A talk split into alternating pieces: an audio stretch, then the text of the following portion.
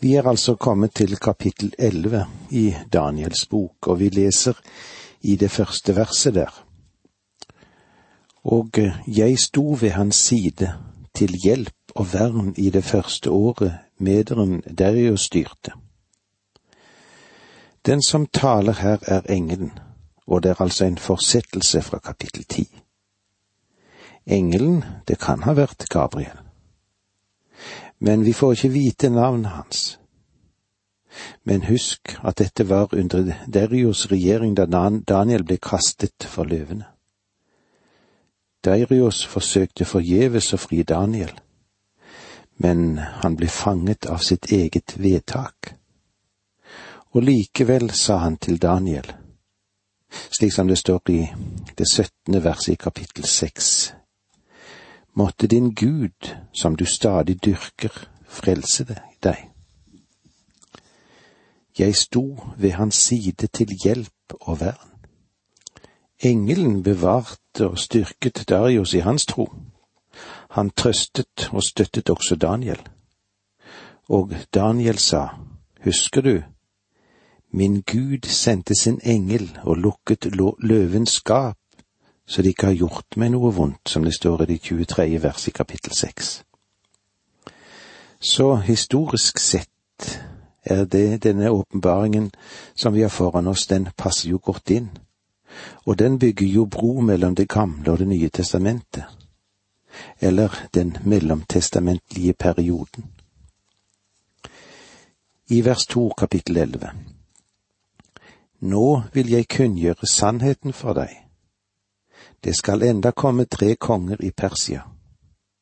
Den fjerde skal samle seg større rikdom enn alle de andre, og når rikdommen har gjort ham mektig, skal han egge alle til strid mot det greske riket. Fra dette verset, altså vers to og frem til og med vers 34, har vi en av de sterkeste eksempler på forhåndsskrevet historie. Denne delen har fått kritikere til å kreve en sen datering av Daniels bok. Her er klare profetiske utsagn som bokstavelig talt er fullbyrdet. Profetien i dette kapitlet er så detaljert og så nøyaktig at liberale kritikere ikke vil akseptere at det blir skrevet før det hendte. De insisterer på at Daniels profeti ble skrevet etter at den var blitt historie.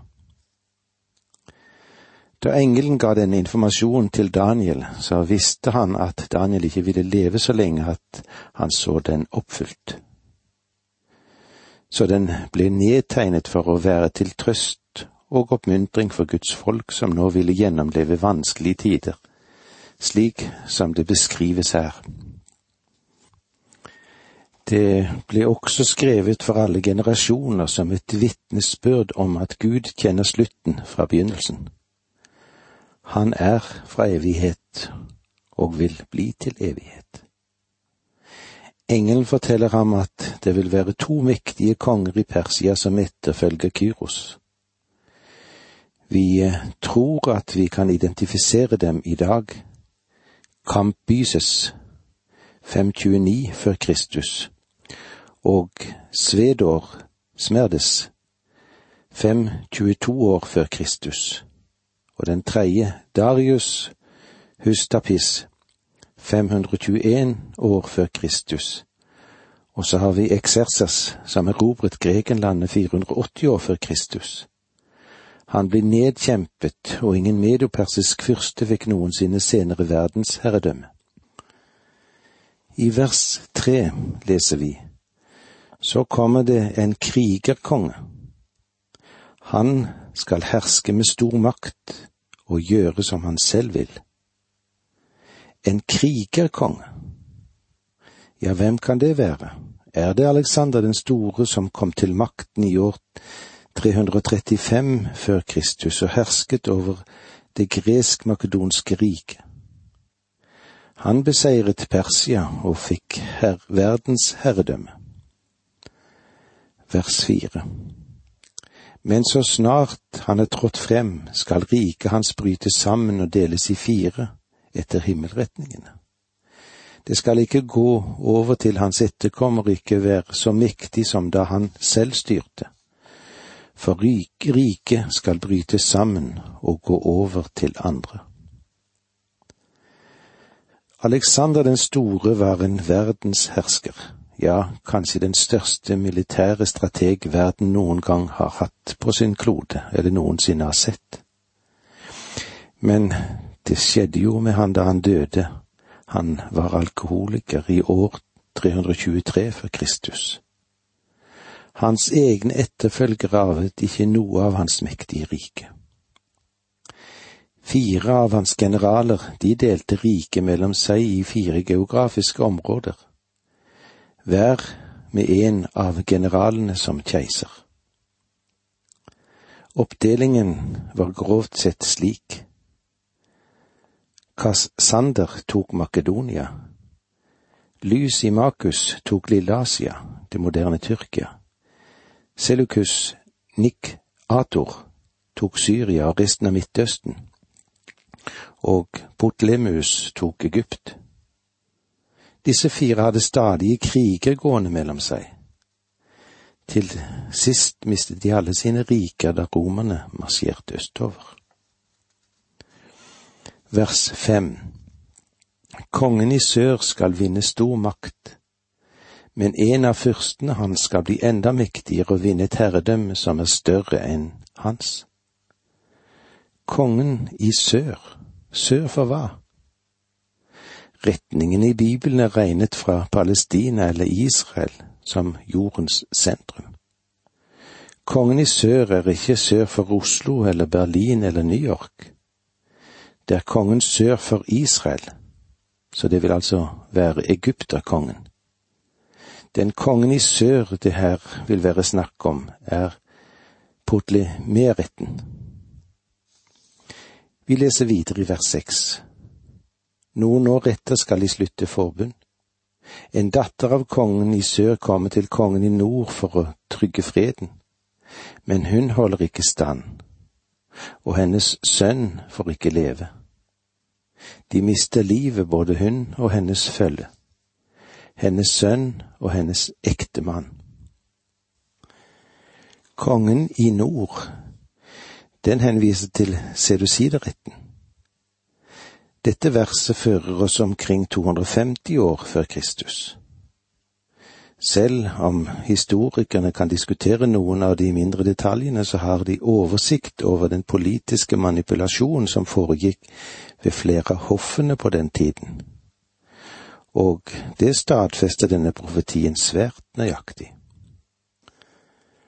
For å skape en allianse mellom disse to kriger, krigerske eller krigende familiene, så ga Ptolemeus Filadelpus av Egypt sin datter Benis som hustru til Antikus Theos av Syria. Antiokus, han var allerede gift med Laudike, men han skilte seg fra henne.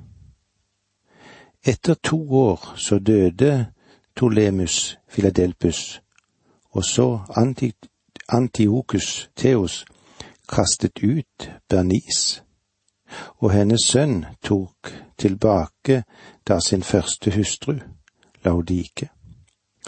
Men hun ga Antiokus Theos gift og ga ordre til at Bernice og hennes sønn skulle drepes. Deretter satte Laudike sin egen sønn Selikus Kalinikus på tronen. Dette var en grusom affære og det er interessant hvor nøyaktig dette er dekket gjennom den profeti som Daniel gir. Vi leser videre i vers syv. På den tid skal et av skuddene fra hennes røtter komme i hans sted. Han går mot fiendeherren og bryter inn i festningen i kongen i nord og vinner. Dette var Ptolemeus Euregetes, bror av Vernis, som kom med en hær og beseiret Syria. Og han erobret det fortet som var porten til Antiokia på den tid. La oss eh, lese litt videre i vers åtte og ni. Også deres guder fører han som bytte til Egypt, sammen med deres støpte bilder og deres kostbare kar av sølv og gull. I noen år holder han seg borte fra kongen i nord. Kongen i nord skal dra mot riket til kongen i sør, men må vende tilbake til sitt land. Og det var så langt vi kom i dag. Takk for nå, må Gud være med deg. Dette undervisningsprogrammet består av to deler. Åge Nevland fortsetter nå med andre del av dagens undervisning. Vi er i Daniels bok, og vi ser på profetien etter hvert som dette går frem, og det vi har fått oppleve. I vers åtte og ni leser vi slik, også deres guder fører han som bytte til Egypt, sammen med deres støpte bilder og deres kostbare kar av sølv og gull. I noen år holder han seg borte fra kongen i nord. Kongen i nord skal dra mot riket til kongen i sør, men må vende tilbake til sitt land. Historien den forteller at Tolemus Euregetes tok med seg 4000 talenter gull, 40 000 talenter sølv og 2500 gudebilder som krigsbytte til Egypt. Kan du nå se hvor bokstavelig Skriften ble oppfylt? La oss lese versene 10 til 13 i kapittel 11 her i Danielsboken. Siden skal sønnen hans ruste seg til strid og samle store hærstyrker. En av dem drar inn i landet og skyller over det som en flom. Men han ruster seg igjen og rykker frem mot festningen til kongen i sør. Da blir han harm og drar ut og kjemper mot kongen i nord som fylker en stor hær. Men hæren faller i fiendens hånd og blir feid bort. Da blir kongen i sør overmodig. Han feller titusener, men får likevel ikke stor makt. Kongen i nord fylker en ny hær som er enda større enn den første. Og etter noen år kommer han med en stor hær og et veldig tren. Det var stadig krig mellom Egypt og Syria. Uten at vi går i detalj her, så la meg få si at under denne perioden så ser det ut til at Israel til stadighet tok feilaktige valg, og ble ført i fangenskap snart til den ene og snart til den andre. Det var slik Norge også ble brukt som handelsvare mellom Danmark og Sverige i flere hundre år. Alt etter som disse nasjonene vant eller tapte, så ble Norge et krigsbytte. I vers 14 leser vi slik. I de tider gjør mange opprør mot kongen i sør, og voldsmenn i ditt folk reiser seg, så synet blir stadfestet, men de faller. Mange israelitter ble drept i denne tiden de måtte gå gjennom utrolige lidelser både for kongen i nord og kongen i sør. Vi leser videre vers 15 og 16. Kongen i nord skal komme, kaste opp en vold og innta en festningby. Styrkene fra sør holder ikke stand, selv ikke de beste blant det makter å gjøre motstand. Fienden som kommer mot dem, kan gjøre som han vil, og ingen kan stå seg mot ham. Han får fotfeste i det fagre landet og fører ødeleggelse med seg. Han får fotfeste i det fagre landet. Nå vet vi hvorfor dette er blitt nedtegnet og gitt til Daniel. Det angår det fagre landet, som er Israel. Det land Gud har lovet Abraham og dem som kommer etter ham. Disse to versene er profetier om det som nå er historie, og som er gjengitt som Antiokus den stores seier over Egypt. Det var en betydelig seier, og det førte til forferdelig lidelse for Israel. Jeg kommer nå til å gå forbi noe av den sekulære historie i denne perioden. Om du vil gå mer i detalj i dette stoffet, så foreslår jeg at du leser et av de større bibelverkene som sikkert Et bibliotek kan hjelpe deg med å få frem. Da kan du lese mer inngående om den verslige historien som dekkes i dette ellevte kapittel i Daniels bok.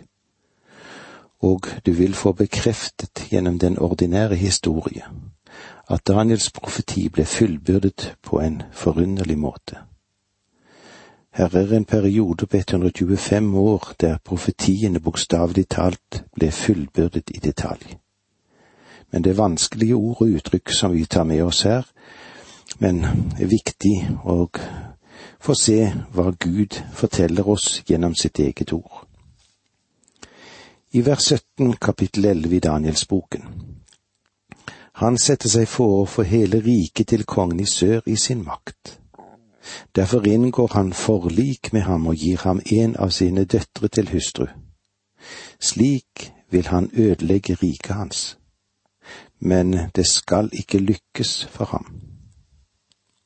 Dette fører oss til tidsrommet omkring 198 eller 95 før Kristus, da Antiokus den store inngikk en allianse med Egypt og ga sin datter Kleopatra som brud til Tolemus Epifanes. I vers 18 til 20 Så vender han seg mot kystlandet og inntar mange av dem men én hærfører gjør ende på hans hovmod og gjengjelder ham for hans overmot. Da vender han seg mot festningene i sitt eget land, men han snubler og faller, og det er ute med ham. I hans sted skal det komme en som sender en skatteoppkreve gjennom det landet som er rikets pryd. Etter kort tid blir han knust, men ikke på grunn av Guds frede og ikke i krig så vender han seg mot kystland og inntar mange av dem. Det henviser til Grekenland og de greske øyene. Det var i den retningen Antiokus den store begynte å bevege seg på den tid. Ikke bare mot Tolemus i syd, men mot Lysimakus i vest men en hærfører gjør ende på hans hovmod. Det henviser til en annen linje, og det er Roma som nå begynner å reise seg i vest og bevege seg østover. Du skjønner at Roma samlet inn skattpenger fra syrerne. Romerne var kanskje de beste skatteoppkreverne i verden inntil det moderne ligningsvesen så dagens lys. Da Rom reiste seg, så bygget det opp et veldig imperium ved å skattlegge folkene som de la under seg. Og etter hvert som Syria falt for Rom, så var det en hel del historiske detaljer som vi kunne ha tatt med. Men her må jeg bare henvise til større verker angående historie eller Daniels bok. Jeg vil ikke at vi skal fortape oss i historiske detaljer slik at vi mister de store og viktige linjer. Den brutale Antiokus Epifanes blir identifisert. Det er det vi skal gå inn på nå. Nå får vi satt foran oss den råbarkede Antiokus Epifanes som var konge i Syria, han har sin avgjorte plass i historien. Det er eh, det lille horn som allerede har funnet sin fullbyrdelse, som vi var innom i kapittel åtte. Vi forsøkte å gå litt i dybden der. Vi gransket det iallfall litt. Det lille horn. I vers 21 kapittel 11. I hans sted skal det komme en usling. Han har ikke fått kongeverdighet, men kommer uventet og river kongemakten til seg med list. Denne profetien er fokusert på en konge i den selukudiske etterlinje. Antiokus Epifanes De fleste konservative tolkerne av Skriften anser denne del for å være en direkte henvisning til denne mannen. Profetien passer på historien om Antiokus Epifanes som hånd i hanske. Han er på samme tid en modell for Antikrist. Både symbolsk og figurativt er det et uttrykk for det syndens menneske som skal komme. Antiokus Epifanes kom på tronen i år 175 før Kristus. Han var en spotter, og han var svært brutal. Han kom på tronen på bakgrunn av et fredsprogram. Antikrist vil komme til makten på samme måte. Han vil introdusere den store trengselstid med tre og et halvt års fred, og folkene i verden vil tro at de nå går inn i tusenårsriket, når de virkelig går inn i den store trengselsperioden. Antiokus var en forfører og en mester i å snigre. Vær forsiktig med slike typer. Du kan møte dem til og med i presteskrud. Og de har skadet kirken mer enn mangt. Vi trenger ikke menn som vil stryke folkene med hårene for selv å trekke fordel av det. Det vi trenger er ærlige, rett, fremmede mennesker som vil stå i talerstolen og si tingene slik som de er.